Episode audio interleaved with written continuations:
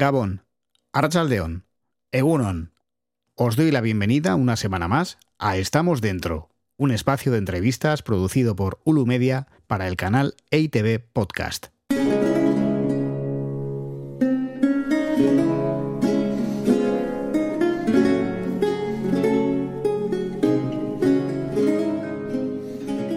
En el inicio de este episodio viajamos atrás en el tiempo, concretamente al Madrid del siglo XVIII. Estamos en la calle de la Paloma Baja, el centro de operaciones de Juana Picazo, una curandera que sana los males de sus clientes mediante el uso de recipientes de vidrio.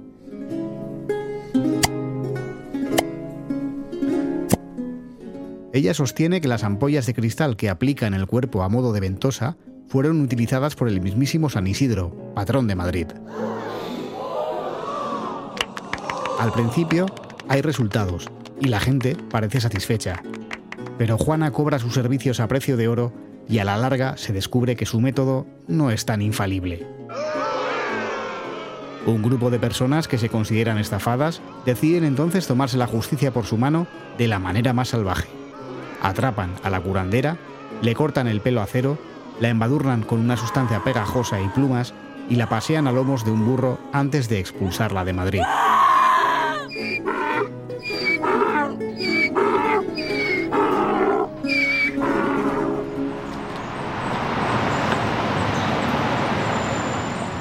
Nunca más se supo de aquella mujer ultrajada por la turba enfurecida, pero 300 años después, su nombre figura en uno de los grandes letreros de azulejo que identifican las calles de Madrid.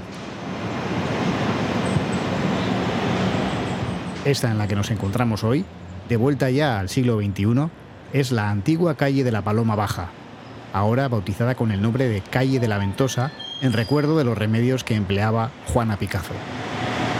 Os cuento esta historia porque nuestro anfitrión vive en la calle de la Ventosa y porque en cierto modo él también es, como quizá lo fue Juana, mitad curandero y mitad timador. Lleva más de dos décadas inventándose vidas ajenas y confiando en la capacidad del arte para sanar.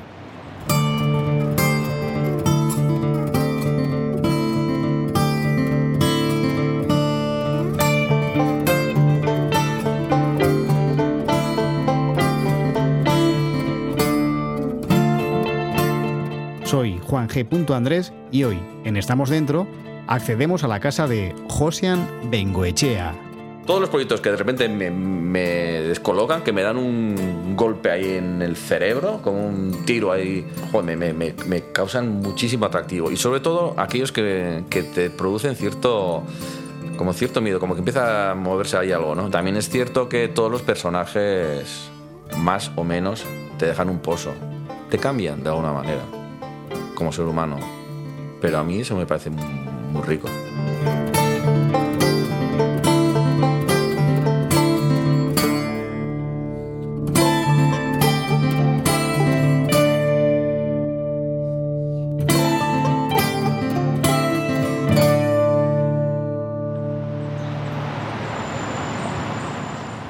Acompaña Fernando R., guionista y amigo de Donostiarra afincado en Madrid, a quien ya conocimos en el quinto capítulo de Estamos Dentro.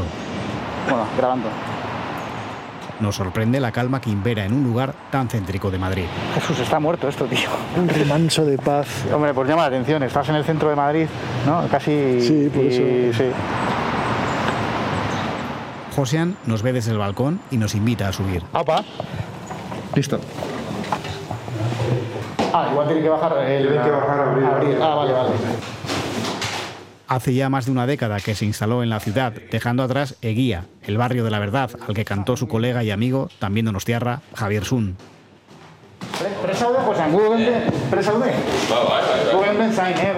El suyo es uno de los rostros habituales del cine vasco y también del español, donde es frecuente verle en papeles de todo tipo, defendido siempre con carisma y mucha verdad. Bueno, son dos. ¿Hondo? ¿Tazo? No son dos, ¿eh? sí, sí. Opa. Imagen la tenéis, claro. Suena jazz en el tocadiscos mientras nos enseña la casa. Cocina, amplio salón y dormitorio. Es, neus, ez dakit. Eh, ez dago, ikusten duzu zer den etxea, eh? Osea... Bueno, joder, zaude toki lasaian, ez da? Hori bai. Hemen, eh, beste aldea? Hostia, saxofoia. Bai, bai, bai. Honekin hau sesionatuta. Bai? Bai, uf. Pero vamos. Hostia, tenor, ¿no? Tenor, vai. Tenor. Vai, vai, vai, vai. Joder. Vai, vai. Vale, vale. O sea, eh, castellaniza, ¿estás aprendiendo? Vai, vai, vai, sí. O sea, erdera ezingo dugu. Bai, erderaz, bai, Bai. eske bai, nazten naiz. Ah, no, pues sí, sí, desde... Tenía saxo yo desde cuando tenía 14 años, estuve dos años. Y nada, lo vendí para comprarme el bajo y estuve toda la vida ahí tocando rock and roll, vamos, con grupos y grupos y grupos. Lo que pasa que, bueno, pues luego se me metió el teatro por el medio y ya la música, bueno, lo tuve ahí más o menos. Y hace 4 o 5 años dije, joder, ostras, no puedo, no sé, antes de dejar este mundo, pipa Facundo. O sea, antes de dejar este mundo, voy a coger, me compré otra vez el saxo y, pff, estoy, pero vamos, a saco. Ah, vale, vale, vale. Sí, sí. Y antes de comenzar la charla, nos prepara un solo al estilo de su cafetería favorita de guía. Sistema tercio. No hay que acabar de. Porque al final va a soltar solo todo él. Si le doy más caña, se va a quemar el café. Entonces, Eh, lo, lo- tiene- lo quitas del fuego antes de que... Claro, es como las sartenes que tiene que son muy gordas o las cazuelas que al final acaban de hacer con el calor que tiene. Y me dije, el mismo ya va saliendo ahí. Esto es una artesanía. Mira, voy. A ver, Bueno. Bad Bee, Bad Bee. A ver, egin, egin proba. eh, Badbi, José. Badbi, Badbi, Vale, Badbi, perfecto. terci. Bai, perfecto.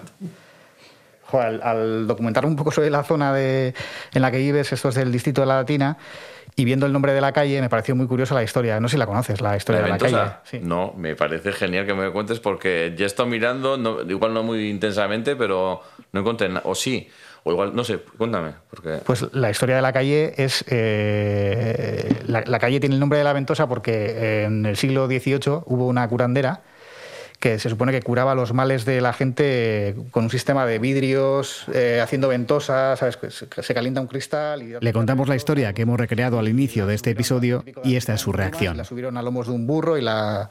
Me cago en la leche. ¿No, no sabías, sabía, no, sabía, sabías la historia? no, no, pues tienes ahí, eh, justo en, en el nombre del el cartel Sí, de el- El azulejos, dibujo ya he visto que hay una señora. y pues eso. esa señora es la curandera que da nombre a la calle. Hostias.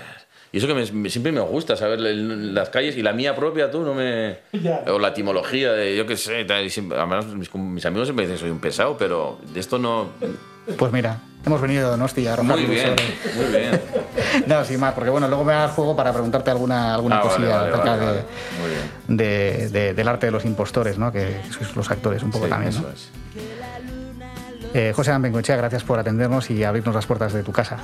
Bueno, para mí es un placer que vengáis eh, a casa y con, vamos, con esta alegría que traéis y tal, vamos, es un placer. Esta casa es vuestra casa. Muy bien, pues eh, permíteme que comencemos hablando de música y no de cine, porque antes que fraile de la, de la actuación, tú fuiste eh, cocinero del rock, se podría decir, ¿no? En, en Eguía, tu barrio, en los años 80. Tú eras músico. Eh, sí, no, no sé cómo responder a esa pregunta, si era músico o si soy músico. Eh, yo, creo, mm, yo creo que siempre he sido músico. Es- Desde luego he sido músico antes que, que actor. Yo con 14 años tenía un saxofón alto y a los 16 lo vendí para comprarme un ampli de bajo. Y a, a partir de entonces mm, he estado tocando rock, blues, pop en, bueno, en muchas bandas, hasta los 24 años o así. O más, pero bueno, sí, básicamente era, un, era bajista. La, la gente de Donosti, alrededor, todo eso me conoció por tocar el bajo. Y si he de ser sincero, no me pregunten más. Así es el barrio de la verdad. No me pregunten más. Así es el barrio de Javier Sun, con Javier Sun he tocado toda la vida y bueno, y se- seguiremos tocando seguramente. Eh, llega a tocar también en Amor a Tradición con Rafa Berrio, con Sanchis y Jocano. Y, y bueno, pues mm, algún concierto con los, los punkis del barrio también, con Octalidón. Y sí, eso es lo que es lo más significativo. Y con Gasca, al que has citado de y Caucano, abriste el Bukowski. Sí, Y creo que además tú pusiste el nombre al, al bar? Bueno, eso es que hay un mito que lo puse, en realidad lo pusimos entre, entre los tres, o sobre todo entre Santi y yo, porque éramos como muy apasionados lectores de, de Bukowski, ¿no? Y sobre todo Santi. Y bueno, barajando nombres y tal, y ¿por qué no? Hombre, ¿por qué no? Pues porque en el barrio de Guía, pues algunos ponían en el barrio de Guía poner así un nombre tan anglosajón y es un poco chocante. Yo decía, eso dejadlo de mi, de mi parte, que yo soy de Guiatarra y ya, ya veréis cómo esto funciona. Y funcionó, y funcionó. Ahora está un poco de capa caída con el tema de la música en vivo, pero durante muchos años ha sido el, el epicentro. Sí, es un sitio de referencia ¿eh? para mucha gente. En- yo aún todavía, por ejemplo, cuando a, a mucha gente que mm, más o menos de nuestra edad para abajo eh, sale el nombre del Bukowski, dijo que yo trabajaba ahí, digo, joder, el Bukowski, pero si ese es un sitio mítico, ¿no? Y sí, era un sitio de referencia. En muchos años el único sitio que había para tocar. ¿Tú allí ponías copas también? Sí, sí, sí. O sea, eras eh, Sí, un, po- sí, poco sí. esto que se dice de los actores que, que son camareros también, ¿no? Sí, hay, si quieres te cuento una anécdota también al respecto. Yo cuando abrí el bar yo no era actor, no tenía nada que ver con la interpretación. Me gustaba el cine, eso sí, me gustaba muchísimo el cine y me fui a estudiar cine a la escuela de, Andoain. Y bueno, al comprobar que, que no... mm, Jolín, yo qué sé, pues que teníamos que trabajar con, con actores, pues al final en- hicimos dos de los que estábamos intentando eh, montar un corto, pues hacer un taller de interpretación y bueno, y ahí lo pasé hasta hoy. Y la anécdota es que yo incluso por aquel entonces cuando entraba algún grupo de actores, eh, bueno, pues conocidos que más o menos, yo decía, estos son, estos son gilipollas, tío. Es que de verdad, el rollo que, que se traen aquí y tal, ¿sabes? Mucho lidili y tal, digo, para consumir poco. Y Y encima querrán que les inviten. claro, entonces, no sé, debió de, de- de gustarme esa parte y me pasé al otro lado. Tú empezaste en el cine, pero con intención de hacer cine, no, no de interpretar, ¿no? Sí, mi intención primaria era, era hacer cine, ¿no? Un grupo de, de amigos, nos gustaba mucho el cine y me imagino, fíjate, los Moriarty, por ejemplo, que luego ya han hecho lo que ha hecho, han hecho en, en Andoain, yo creo que empezaron año, un par de años después, ¿no? Y eran un grupo de amigos que han- se han mantenido ahí. Y nosotros nos quedamos en nada, bueno. Bueno, de tres que éramos, uno acabó de dire de foto, que además vi el tío en Estados Unidos, yo acabé de actor, tiene nada que ver, y el otro compañero está en, en otras historias. Pero nuestra idea era, era pues, hacer, hacer cortos en un principio. ¿Sabes? Nos amábamos el cine. O sea, éramos de los primeros que íbamos a los ciclos Nosferatu de Donostia y... ¿Y cómo pasas eh, de querer hacer cine, de querer hacer películas, a, a ponerte delante de la cámara?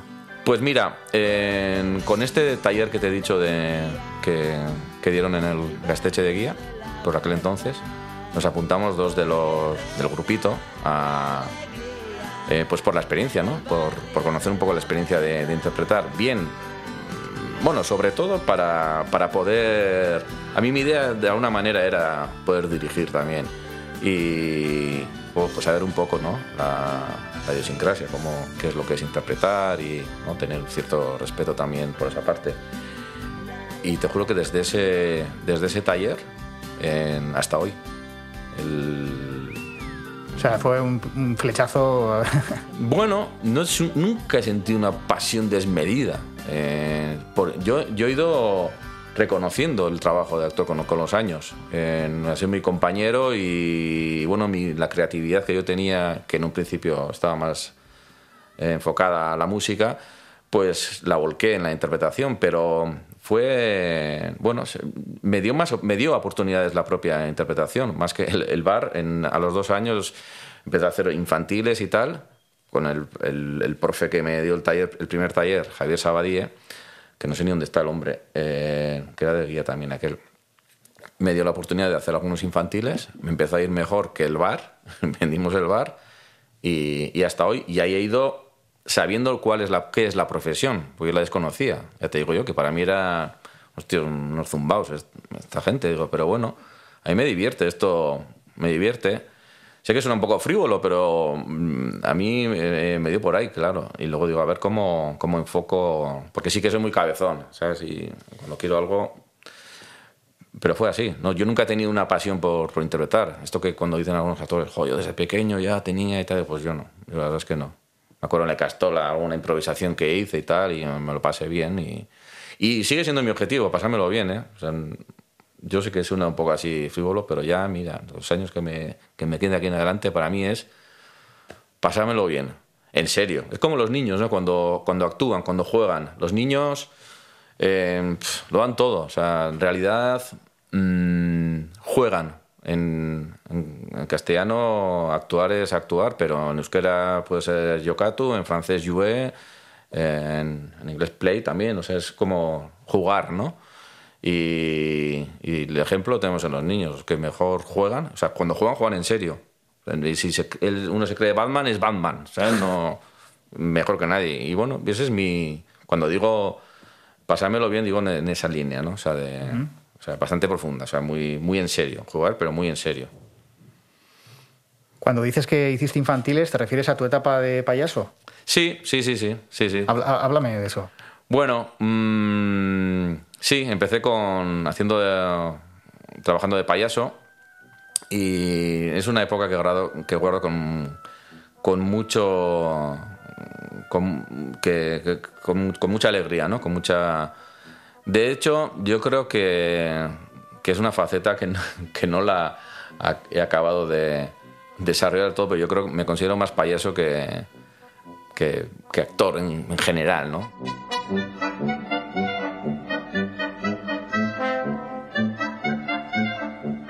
Yo creo que soy más payaso, me gusta más la, la idea de eh, comediantes, decía, ¿no? En francés también se dice comedia, eh, payaso, ¿no? De hecho, la comedia me tira mucho, ¿no? En mi época de payaso es la que me curtió definitivamente con, con lo que es la interpretación. O sea, pues, tú te vas a hacer a la calle, a una plaza, Oñate, ahí eh, en un día de sirimiri o de lluvia, con los niños alrededor, que algunos te tiran cosas y en, en la calle llevando los cables, como, como, como cuando eras músico que ibas a los bares. Eso te curte, vamos, o sea, de verdad, si empiezas desde ahí, eh, todo demás, todas las demás tonterías que, que existen no Y claro, al público infantil no lo engañas también. ¿Qué le vas a engañar? ¿Qué le vas a engañar? Eh, gilipollas, no sé qué, tontoraba, qué, qué, ah, qué aburrido, esto ya lo he visto y tal. Y dice, uff. Había un compañero mío, el payaso que estaba conmigo, una vez me acuerdo que le agarró a uno y le dice, cabrón, como no te calles, te va a perder. Hostia, igual estaba el padre al lado y tal. Pero Joder, el, nivel- paya- el payaso de It. es muy, muy, muy, muy. fue muy intenso, ¿no? Muy, muy de verdad, tú lo has dicho. Tan de verdad que, bueno, pues que. Es que ahí lo das todo. Y luego uno de los recuerdos más. Más gratos también. A mí la calle, la calle me, me ha curtido. La calle. Teatro de, luego- teatro de calle. Sí, teatro de calle, pero luego trabajé muchos años también con Trapusarra. Y, y me sirvió mucho también para el cine, curiosamente. Santi Ugalde Con Santi. estos, ¿no? A Santi siempre lo he dicho. Santi se descojonaba de mí, pero... La calle, te digo que es de los, de los sitios donde más... mm, más conectado... O sea, más he aprendido para, para interpretar en cine. Porque, claro, el al espectador... En el, en el cine es, es este primer plano y tal. En, en la calle, a la gente la tienes al lado. Entonces, la- el, el lenguaje, digamos, es mucho más cercano en la, en la distancia que, que el teatro, que hay una distancia y Claro, ya te mueves claro. mucho más con el cuerpo y tal, ¿no? O sea, la mirada está ahí, la, es- la mirada es cine. Y, y ahí sí que, lo mismo que con los niños, la gente te ve si estás diciendo la verdad o no, y a mí me curtió mucho. Y yo, de alguna manera, sí que siempre he sentido que la interpretación en la calle estaba muy, muy directamente relacionada con la que hacía de, de payaso, ¿no? ¿Cómo os llamabais, por cierto? Eh, Chorompio, Panchi, eta Pancho. ¿Y tú eras? Eh, Pancho. Pancho. Pancho. Era el más, el más inocentón, así grande y más inocente de todos. ¿Te acuerdas de cómo, de, de cómo era el personaje? ¿Te, te recordarías cómo, cómo hablaba? Pues no sé, pues era un poco así, bonachón, ¿eh? Así. Eh, Caixo, eh, Pancho Nice. Eh, estoy aquí dispuesto a hacer la entrevista que, que queráis y esta casa es, es vuestra casa y. Y, y bueno, yo lo único que quiero en esta vida es divertirme, di- nada más, divertirme. Si, si vosotros queréis divertiros, pues ya, ya somos tres, o, o- o los que queráis. No sé, digo yo, que iría por ahí. Más o menos. Ya han pasado ya como 20 años. Claro, es que un payaso, un payaso es súper completo, es, el, es el, el- el cómico más completo que hay, porque fíjate, cualquiera toca un montón de instrumentos, hace malabares, hacen son acrobacias. De hecho, grabamos un disco con, vamos, con unos arreglos con tapia, de tapia taleturia, o sea, arreglos y todo eso. Digo, mira, yo quiero hacer esto toda mi vida. Bueno, algún día volveré a hacer payaso.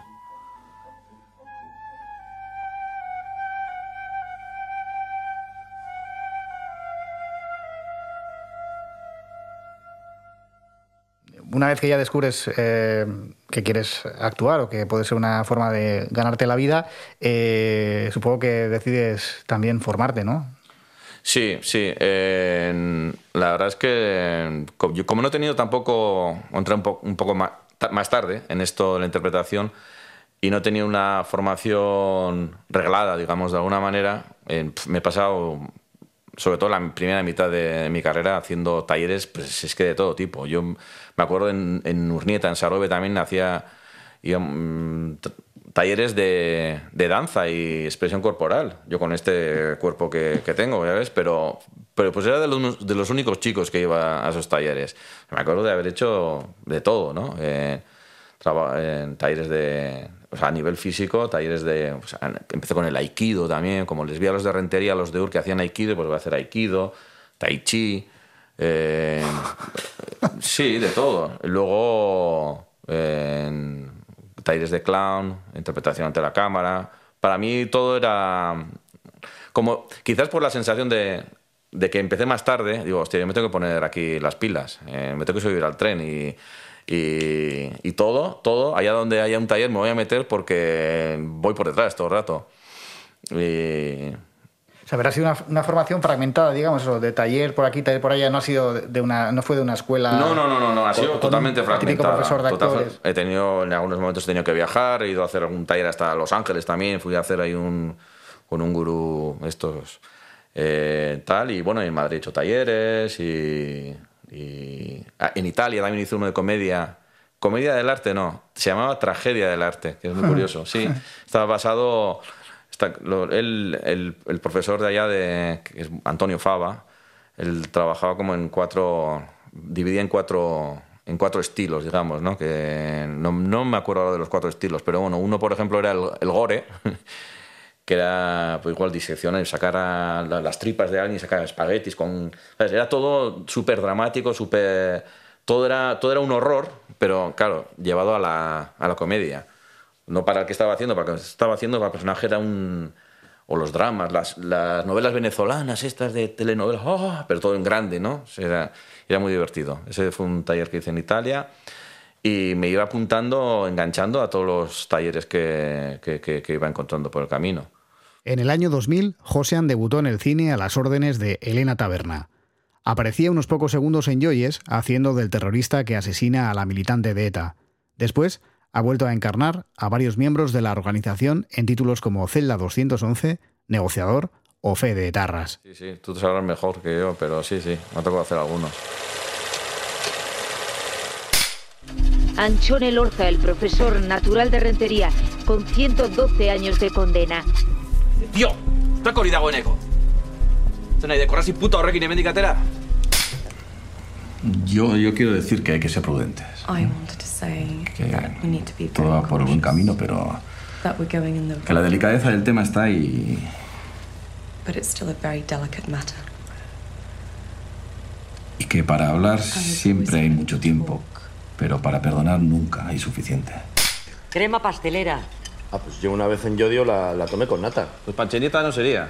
Mil hojas sería. La panchineta panchineta, la de Donosti, con crema de toda la puta vida. A ver qué hostias haces tú en Yodio comiendo panchineta. Has tenido miedo de encasillarte. Luego también para compensar eso, algún policía.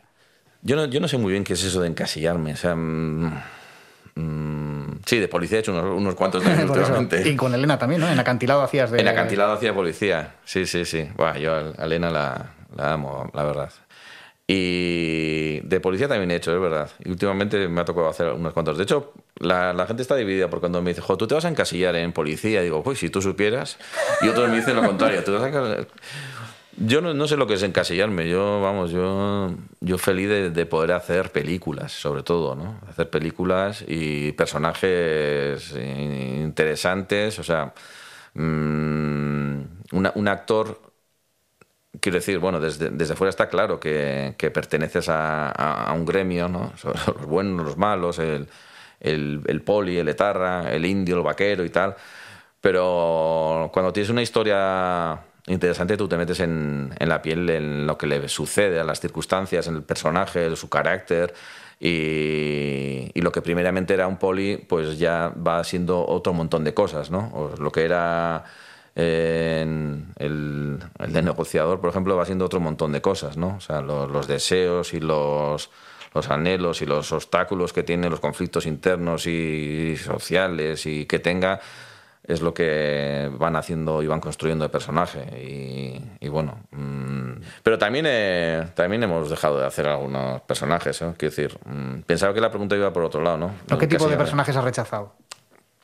Pues algún... No tanto el personaje. A mí no me preocupa tanto el personaje. O sea, a mí si me ofrecen una sesión, un, proyecto bonito y precioso, o sea, lo que miro es todo lo que me está contando, queriendo contar el director o el guionista, toda la historia, ¿no? La producción en sí, por dónde iba a ir, yo qué sé. O sea, si tengo que trabajar, volver a trabajar con algún compañero que he trabajado, si hay una historia bonita detrás, es lo que me atrae, ¿no? Entonces, lo que me ha pasado alguna vez es que no me ha interesado la historia y no me, ha interesado el punto de vista, sobre todo con las cosas que tienen que ver con, con, con- mi, con mi tierra, ¿no? Con, con Euskadi. Y alguna vez, pues, no me, no me ha interesado contar lo que yo he visto en, en el guion. Eh, además, muchas veces te intentan como ocultar un poco el guion, pues para que no te hagas tú la idea. Digo, no, no, no, mándame el guion. Claro, es que si no...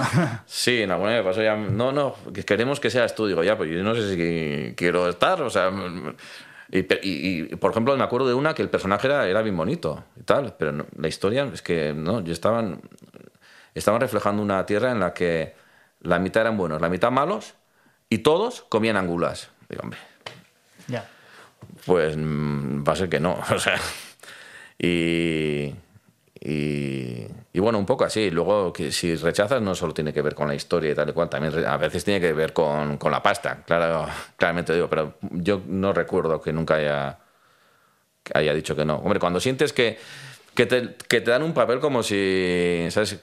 Eh, ¿Tú por qué quieres que yo esté en esta historia? O sea, no sé, pues sedúceme o tal. Ah, es una cosa y tal, es pequeño y tal y cual. Digo, "Pe- pequeño, para mí no hay nada pequeño. O sea, ¿sabes? Pequeño, ¿qué es pequeño? Pequeño será el proyecto. Si tú me dices que es pequeño, ya, yo ya siento que el proyecto es pequeño. Entonces, pues yo qué sé. Ahí hay, ahí hay algunos ejemplos. Aurrekoan metalak biltzeko makina horrekin ikusi zintuztean. Bai, Arkitu altzen duten, bilatzen ezinetena. ke ba. Metal gehiagi, obretan. Uno de esos ejemplos es su personaje en la película Loreac, mínimo en cuanto a metraje, pero clave en el desarrollo de la acción, así como la prueba palpable de que no hay papel pequeño. No hay papel pequeño, en protagonista no es más importante, o bueno, es más importante, tiene más que el de reparto. El de reparto no es, no es menos que un secundario. Mm, es que estamos contando entre todos. Yo, yo, yo siempre he entendido el trabajo de... en- quizá pues, también por eso he entrado, entrado más tarde, o no sé, no sé, será el, el background de, mi familia. Y yo siempre he entendido el, el trabajo y la misma profesión como trabajo de colectivo, ¿no? Que todos, que esto es un puzzle, todos ponemos una parte y, y no sé, realmente no, nunca he entendido qué es más importante. Mm, alguien te dirá, "Jo, es que tu presencia y tal, digo, sí. En- al final, desde luego que sí. Y esa es, esa es otra parte también. Al final siempre se, se me va a ver a mí. De hecho, ahí también he tenido mis, mis, mis peleillas. Pero en un principio yo siempre he sentido como un trabajo de colectivo, ¿no? Incluso, mm, bueno, también he pertenecido cuatro años al sindicato y para mí yo siempre, siempre he entendido el- esta, profesión como, como un trabajo en equipo, ¿no? Aunque esté solo, pero... Eh, entonces no sé lo que es un papel pequeño. Para mí no hay papeles pequeños. Para mí hay historias pequeñas, pelis pequeños. Eh, que es un papel grande cuando el director que tengo enfrente me parece que ni cree muy bien en lo que está haciendo. Es un pa- eh, es pequeño él.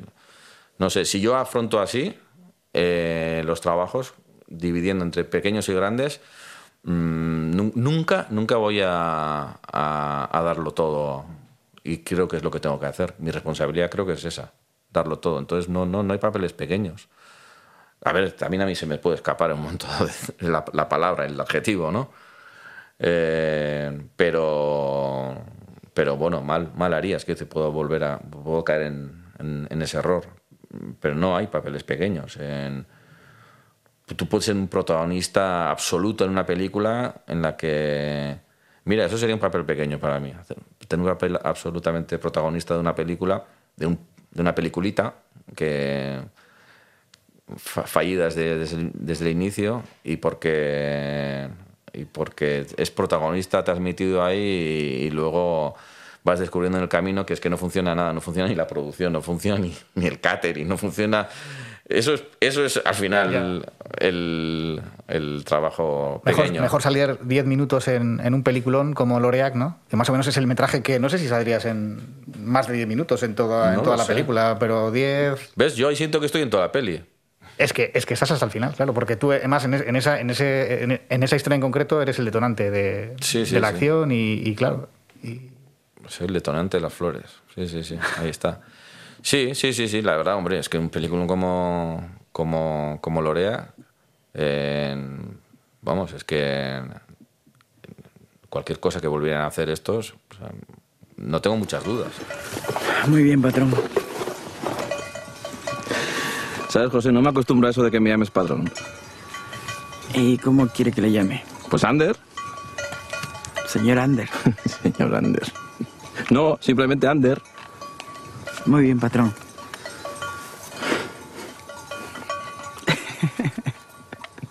Hay una película anterior a Loreac eh, que se llama, se titula Under, en la que haces de baserritarra incapaz de aceptar sus sentimientos hacia, hacia otro hombre.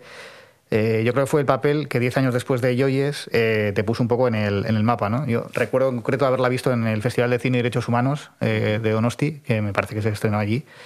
Y claro, eh, no te conocíamos como protagonista. Quizá te habíamos visto en otras películas, pero ahí en esta eras eh, protagonista con todas las de la ley, ¿no? Y recuerdo que nos quedamos alucinados al, al ver tu interpretación, ¿no? Porque era como, ¿quién es esta bestia?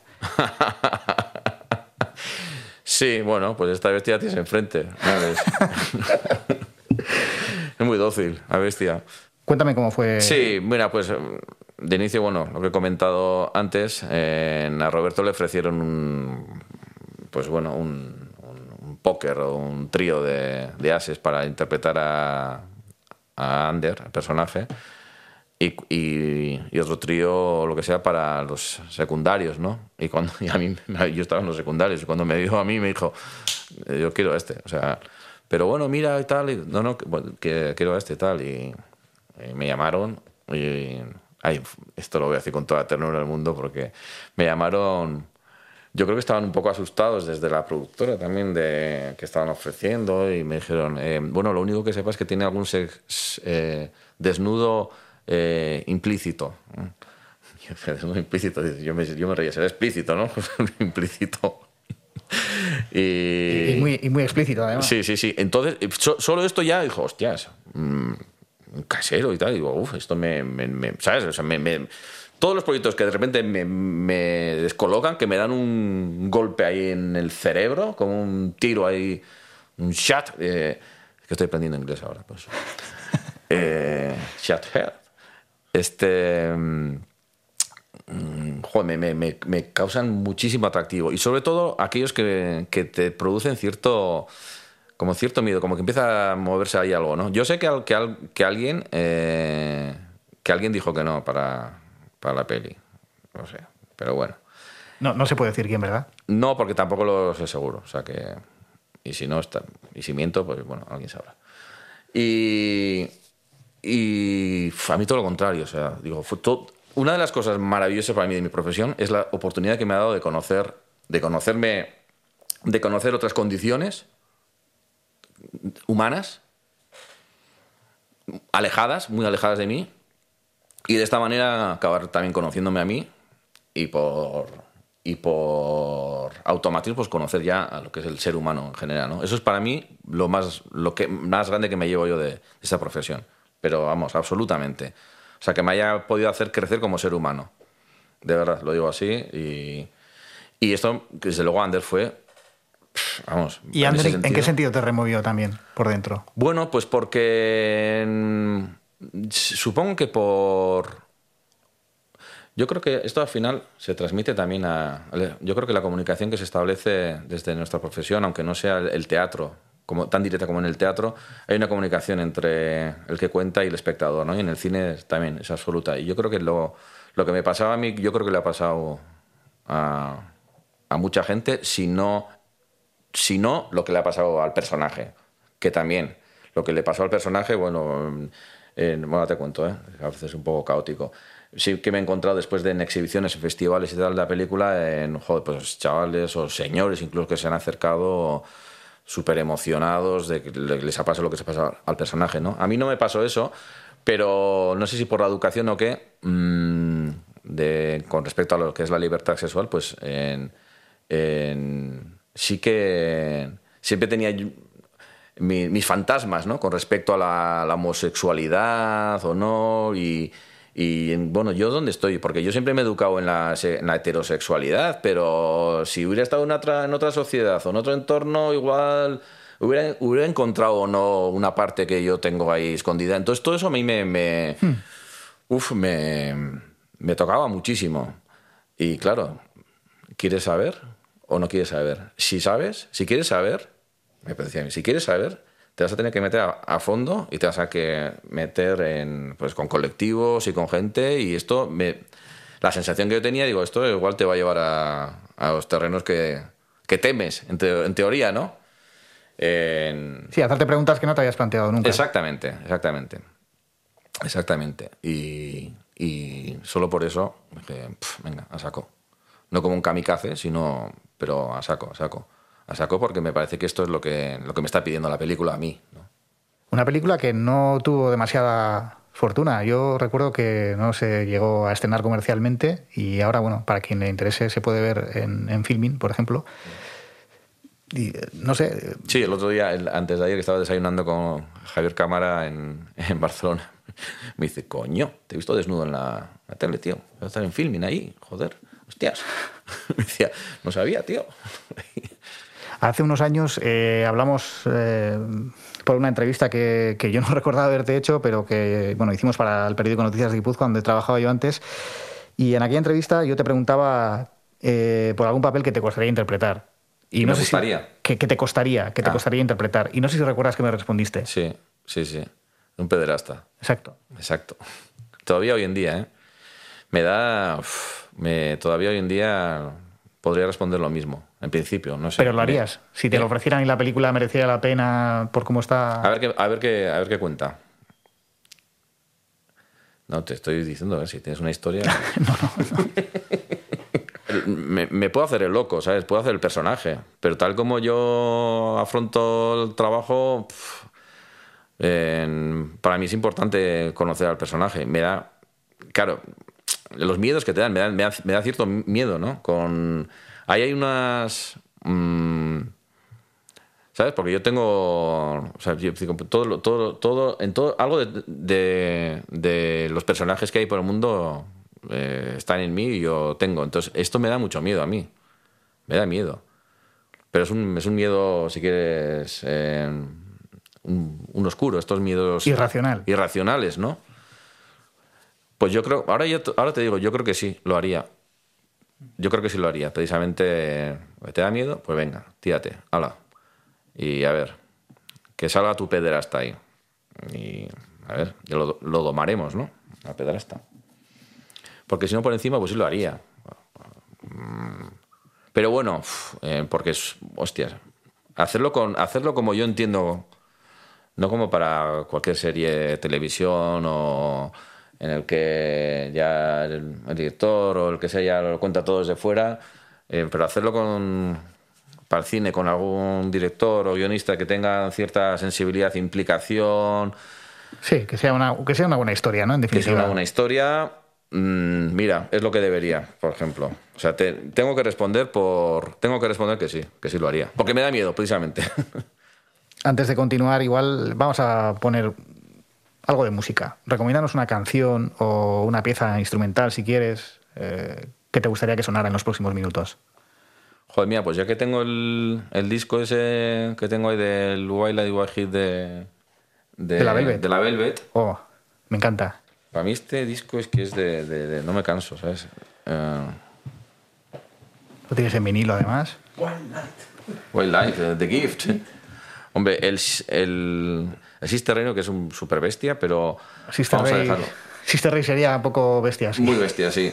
Eh, pues el Hershey Comes Now. Ya está. Vale. Hershey Comes Now, now. Ya está. Pues vamos a escucharla.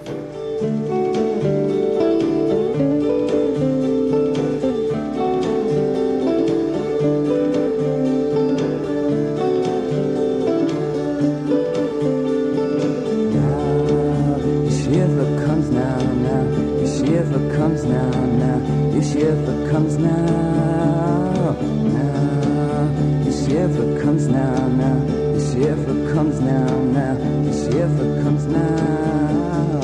Oh, it looks so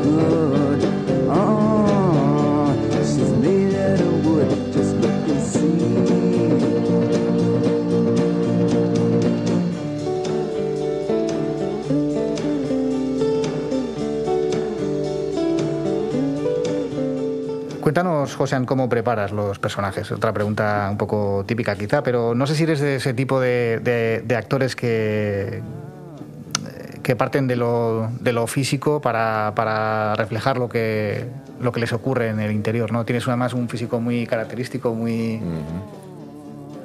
Sí. No sé muy bien. En- A ver si sé, no me, voy a, no voy a hacer el loco con la pregunta, pero me interesa mucho comprender, o sea, comprender, entender qué es lo que pasa, ¿no? Desde lo humano, qué es lo que pasa con, eh, con la historia. Mm, no sé si qué me quiere contar el director, pero yo como interpreto, yo soy un intérprete, un actor es un intérprete, ¿cómo interpreto yo? Yo creo que a veces eh, suele haber debates que si el, nosotros, yo lo digo, yo lo afirmo, finalmente al final el que mejor conoce el personaje es el actor, no es ni el director ni el guionista, yo, yo lo tengo clarísimo que es el actor, aunque entre más tarde, porque yo porque porque al final yo me tengo que abstraer. Hay un momento que yo me tengo que abstraer del resto de la historia. A mí me a mí me molesta cuando cuando estoy a punto de rodar y veo ahí compañeros que dicen sí pero eh, claro porque esto va no sé ya tú lo sabes tú ya lo sabes porque lo has leído pero como personaje no sabe nada de eso y, para mí es muy interesante empezar a comprender como una pirámide, bueno, no sé, es eh, justamente lo contrario de lo que estoy diciendo, empezar por entender la historia, que es lo que el, el director...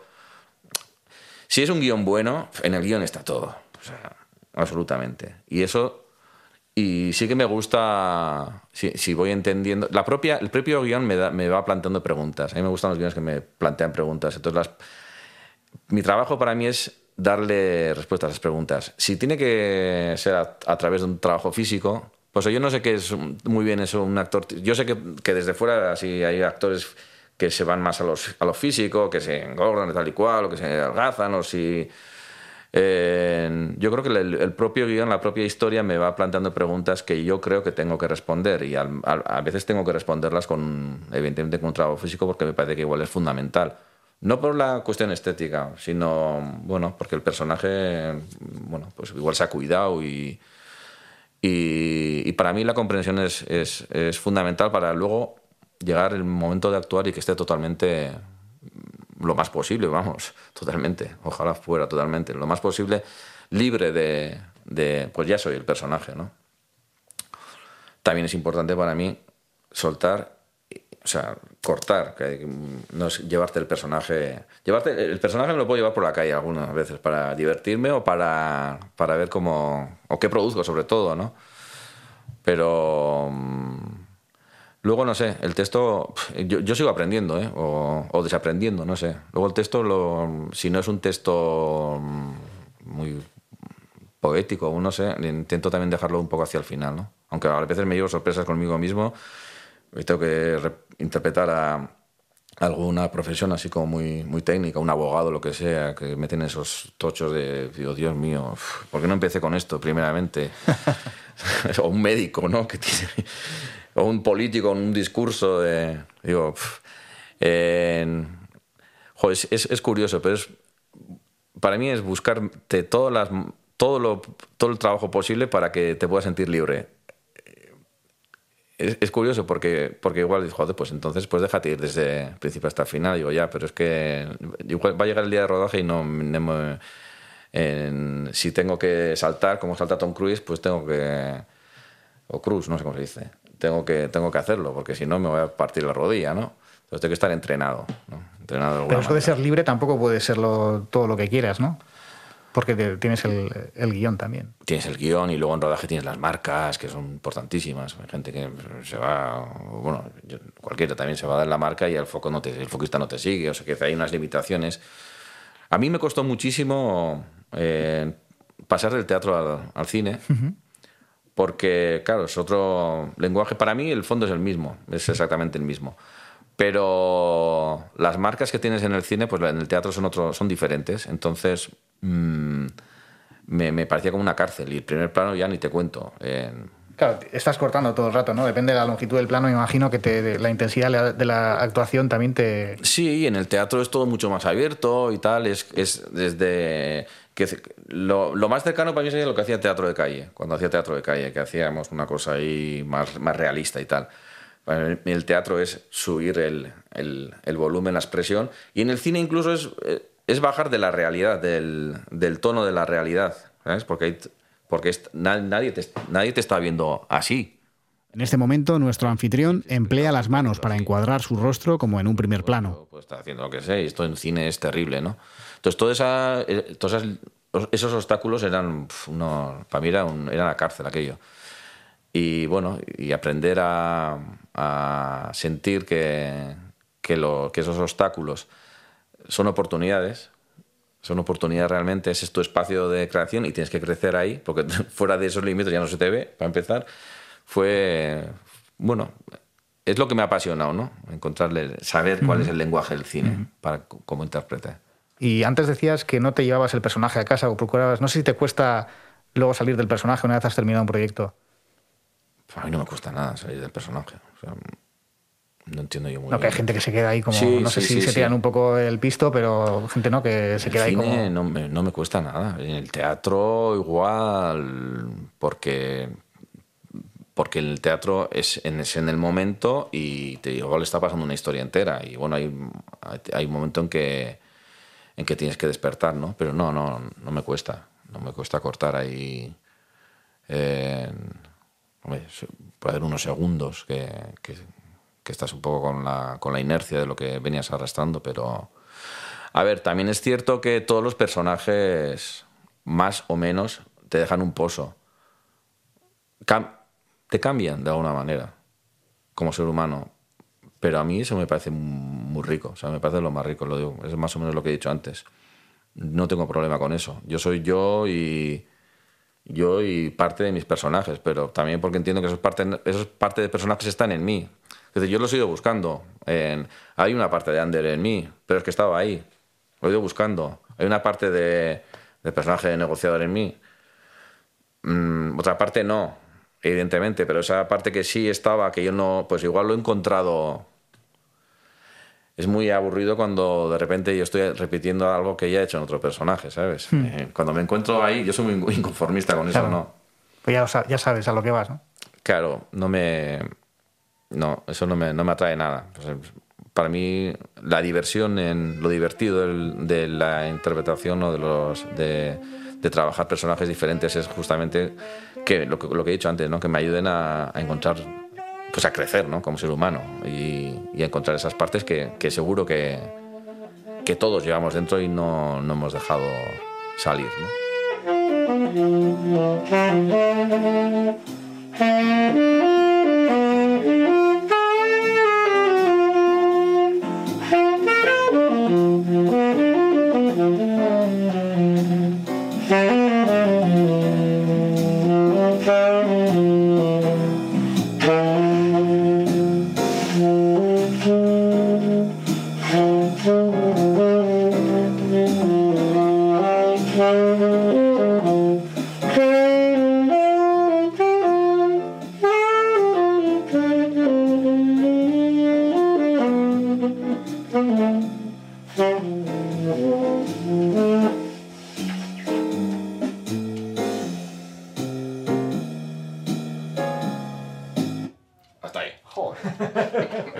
Es muy, es, es, muy difícil el, el saxo. Mira, no sé. Más, mí- más, más difícil que el bajo será, ¿no?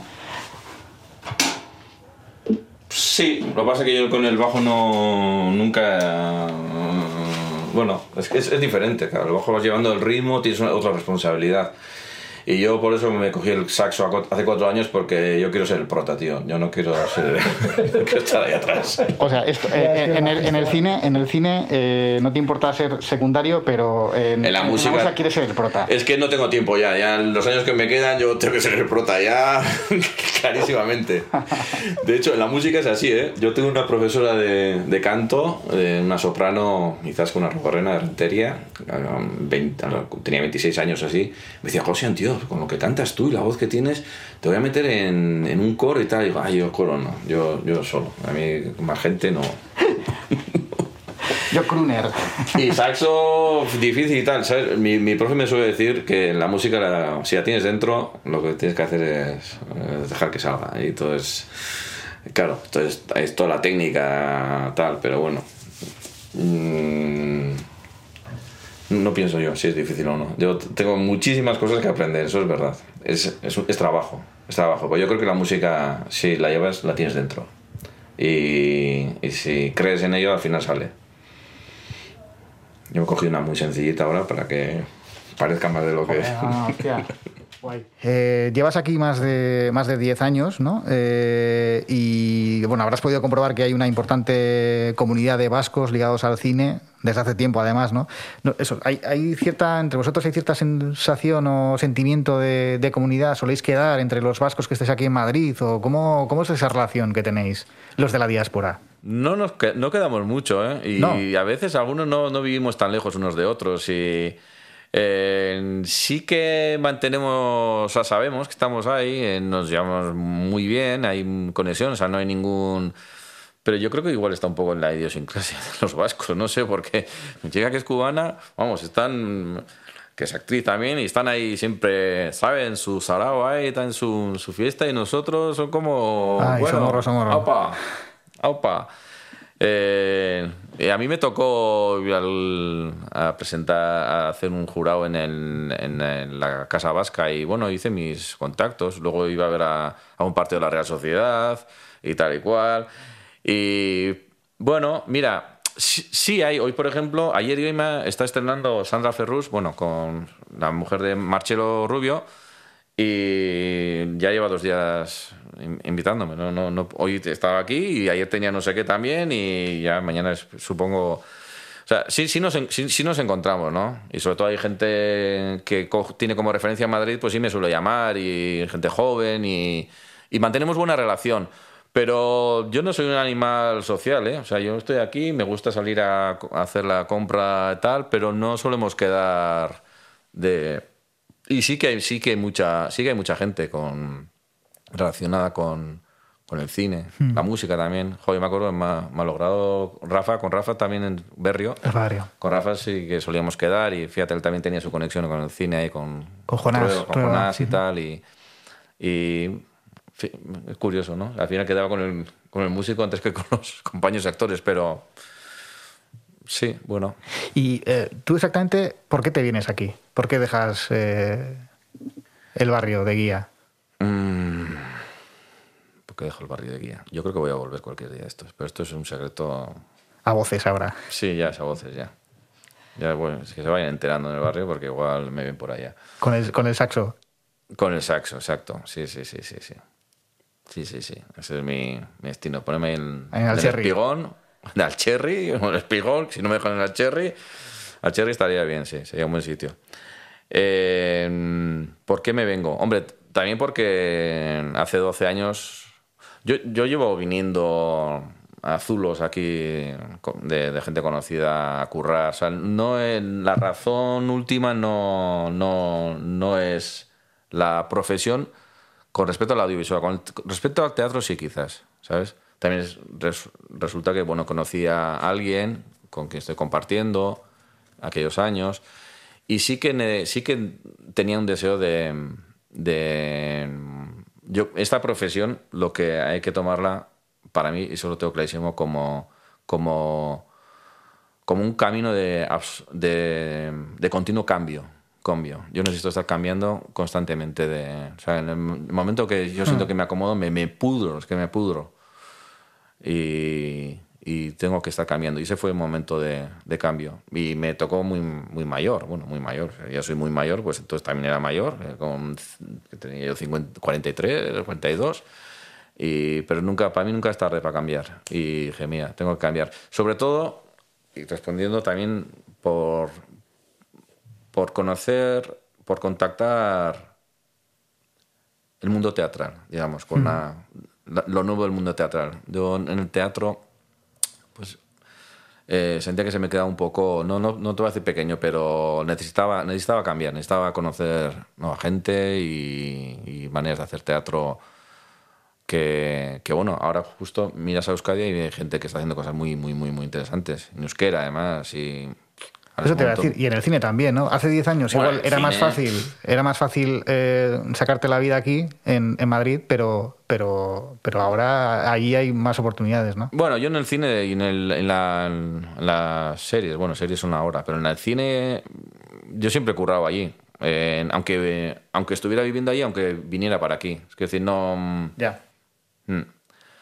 Pero bueno, el cine como que no tiene sitio, ¿no? Son las localizaciones o las productoras, no sé. Pero el teatro sí que era encontrarme con gente nueva, era un cambio absoluto. Y, bueno, la verdad es que me puedo dar con un cante en los dientes porque, bueno, también me curro con lo mejorcito en el teatro aquí y, vamos, que estoy, en ese, respeto estoy contento.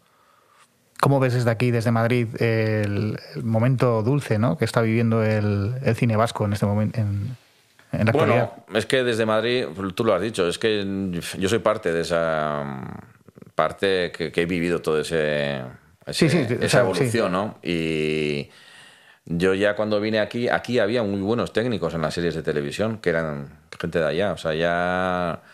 en- si yo he hecho muchos personajes de largometrajes, de cortometrajes ni te cuento. Es decir, que toda la gente que, que ha ido creciendo ahí también he estado trabajando con ella y es y, a mí no para mí no hay ninguna sorpresa en esto. O sea, hay, gente muy muy valiosa en, la escritura, en la dirección, en los técnicos, en la fotografía, en, todas las partes, en la peluquería, en todos los gremios, ¿no? La actoral. Solo pues necesitaba un apoyo y bueno, ahí también voy a decir que algún apoyo ha habido también, ¿no? Por ejemplo, toda esta gente que ha estado en torno a Kimuak y todo esto también, joder, pues ha tenido ahí un, un- una Ha- base, ¿no? ha sido un caldo de cultivo importante, sí. Sí, sí, sí. Porque, porque también ha generado contactos. Yo, yo sé en otras, en otras partes de, de España, compañeros que joder, dicen, hostia, una de las cosas que me da envidia de, de ahí es que estáis ahí como, como conectados, ¿no? Os conocéis todos y, pues yo qué sé, o sea, gente que hace cosas diferentes. El Cobiaga con el Goenaga y estos y... y la, la época que la época que se hablaba del cine nuevo cine vasco con Urbizu, Bajo Ulloa y tal y cual, bueno, ha dado paso a, a una gente que muy muy muy muy muy preparada, ¿no? Y, y bueno, lo único que hace falta es apoyo y tal y creer y y es que además el, el boom, yo no me gusta mucho la palabra boom porque cuando hace algo hace boom, eh, porque parece que es de repente y es que es una cosa que se ha ido tejiendo, ¿no? Con el tiempo. Y, y la- lo bueno del asunto es que, bueno, sin haber una industria, porque bueno, para eso todavía haría falta... En, España tampoco hay una industria. Además el cine, bueno, ese es- nos da para otro debate. Yo soy muy pesimista. La gente no va a las salas, pero bueno, la gente que va, o sea, la gente en, Euskadi va a ver películas vascas. Está creando, está creando, está generando hay un, un bueno, lo que es el espectáculo del cine, es todo, en lo que- desde donde empieza, desde la escritura del guion hasta la exhibición, pues mira, mínimamente, en- si no un boom, sí que, sí que hay un pequeño tejido, ¿no? Ahí y sobre todo el cambio es poder hacerlo en, en, eh, en- en euskera, ¿no? que es algo que hasta, hasta hace muy poco no, no, no había. Cada, ahora cada año hay una película o dos películas a veces incluso. Sí, sí, esa es una pelea que tengo yo también con, con cierta gente. Yo me acuerdo que al principio, cuando empezamos, pues la allí mismo teníamos nuestro complejo y había gente que quería do- doblar las películas para que se vieran aquí. Afortunadamente, y ya antes que con Loreac también, o sea, con Urte Berrionamona, me acuerdo que también eh, se pudo ver. Digo, bueno, pues en el, en el espacio que sea, pero si tú no crees en... La última, la última que he hecho ha sido Hilary Gustia, que se va a estrenar ahora. Y, y ahí, por ejemplo, bueno, pues también la distribuidora que se ha decidido doblarla, ¿no? Para algunos espacios. Bueno, yo ahí lo que pienso es, vamos, creo que el director dice lo mismo, es que esa es otra peli, es que no es la misma peli. No es la misma peli. Si no crees en, en el... es que es, es otra peli. De hecho, yo, vamos, yo no quiero ni doblarla porque no considero que o sea, el trabajo que has hecho en el, en el, en el momento, eh, lo que has puesto ahí se, se refleja en todo, en el cuerpo, en la foto y tal, pero también en la voz, en todo. Entonces es, es todo un... Y, y, bueno, yo creo que afortunadamente, primero teníamos que vencer nosotros el complejo con, con el idioma, que siempre tenemos ahí una cosilla eh, en el poder contar mil historias. El, el idioma es una herramienta más, no es, no es ningún, no hay ningún dis- discurso ahí político con el idioma, pf, válgame, ¿sabes? Ni, ni, ni es menos ni tiene que llegar como tiene que llegar. Si no llega con es porque no lo has hecho bien, porque la película no está bien, no porque esté en euskera, vamos. Y bueno, también nosotros hemos vencido el, el complejo y, y yo te digo, yo, vamos, yo creo que el Madrid, cuando ya, ya la poca gente que va, cuando, a ver una, cuando alguien va a ver una película vasca, pues la gente que está acostumbrada a ver con subtítulos, pues la quiere ver con, con subtítulos. Luego, pues ya habrá reductos en donde no, pero, pero bueno, en- ya nadie, poca gente la quiere ver doblada. Y antes de despedirnos, quería preguntarte qué es, lo mejor para ti de esta, profesión de, timadores, ¿no? Como, posiblemente lo fue aquella curandera que da nombre a, la calle en la que, vives. Eh, no sé, ¿qué es, lo mejor? ¿Qué, es lo mejor de esa profesión? Y- y si podría ser otra cosa, que no fuese actor o músico. Hombre, lo mejor de, de, de, de ser timador como aquella mujer es que no, que no acabe como acabó aquella, ¿no? O sea, que no. Que, que los vecinos ni los espectadores se acaben tirándome a los, a los leones, ¿no? Y digan, bueno, mira. eh, lo mejor. Lo mejor es lo que, lo que me ha dado como ser humano, para mí. Absolutamente. O sea, mm, como. No sé si suena muy, muy cursi, pero eh, uno de mis deseos es cada vez ser mejor persona, ¿no? Y, y, yo creo que la, profesión es lo que me ha dado a mí.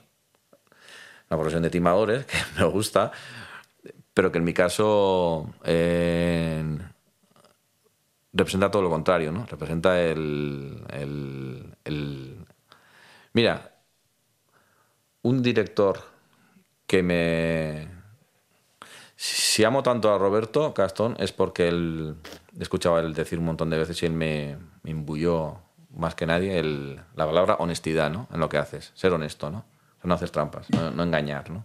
Que el cine es, es un trabajo en, malabares, pero en los malabares también se ve, se ve el, el fallo, se- o sea, se ve si quieres engañar o no quieres engañar, se ve todo, no se ve todo, exactamente. Y, y a mí me ha, me ha- yo sigo en ese camino, el de ser, de, de ser honesto, ¿no? De- y eso me lo ha dado la, la profesión. ¿Podría ser otra cosa en la vida, además de, de actor y músico? No creo, porque yo de pequeño quería ser futbolista de la Real Sociedad y eso... mm, sí, seguramente. ¿Qué podría ser? ¿Qué podría ser? Mm, no lo sé. No sé. Seguramente no. Seguramente el camino me ha- No, lo que pasa es que igual no lo he elegido y, y soy lo que soy. Las circunstancias me han puesto ahí y... Vamos, nada de lo que soñaba yo de crío, arquitecto, yo qué sé. Mm.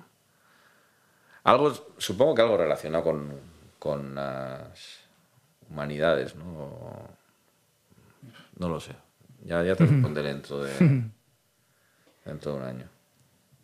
Muy bien, José Amengochea, pues eh, muchas gracias por recibirnos, por abrirnos las puertas de tu casa y por eh, mantener esta charla eh, tan distendida y tan agradable. ha sido un placer. El placer ha sido mío y, y aquí está, aquí tenéis la casa abierta para. No lo digas, no lo digas muchas veces que Bueno, ya para tomaros el café este. Terci. Terci, terci, ¿eh? Eh, Café terci, vamos a repetir. La siguiente, el siguiente estará mejor, eso os lo aseguro. El siguiente café. estaba muy bueno. Gracias, José. Escargasco.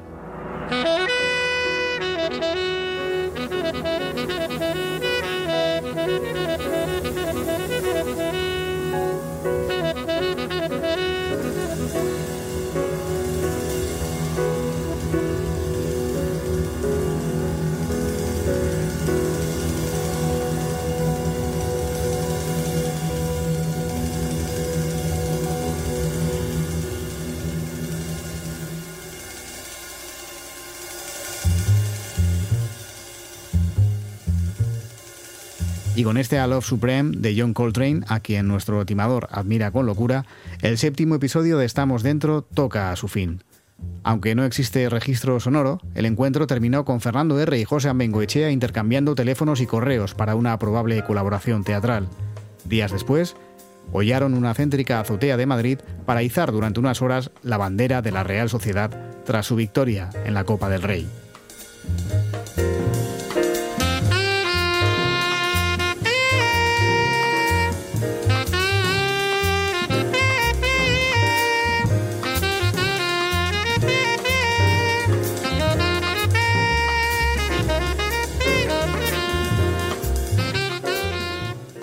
Decimos siempre, si te ha gustado o al menos interesado, suscríbete a Estamos Dentro en ATV Podcast o en tu plataforma favorita. Y síguenos también en nuestras redes sociales. Cualquier sugerencia y comentario serán bienvenidos. Cuídate mucho y nos escuchamos la semana que viene.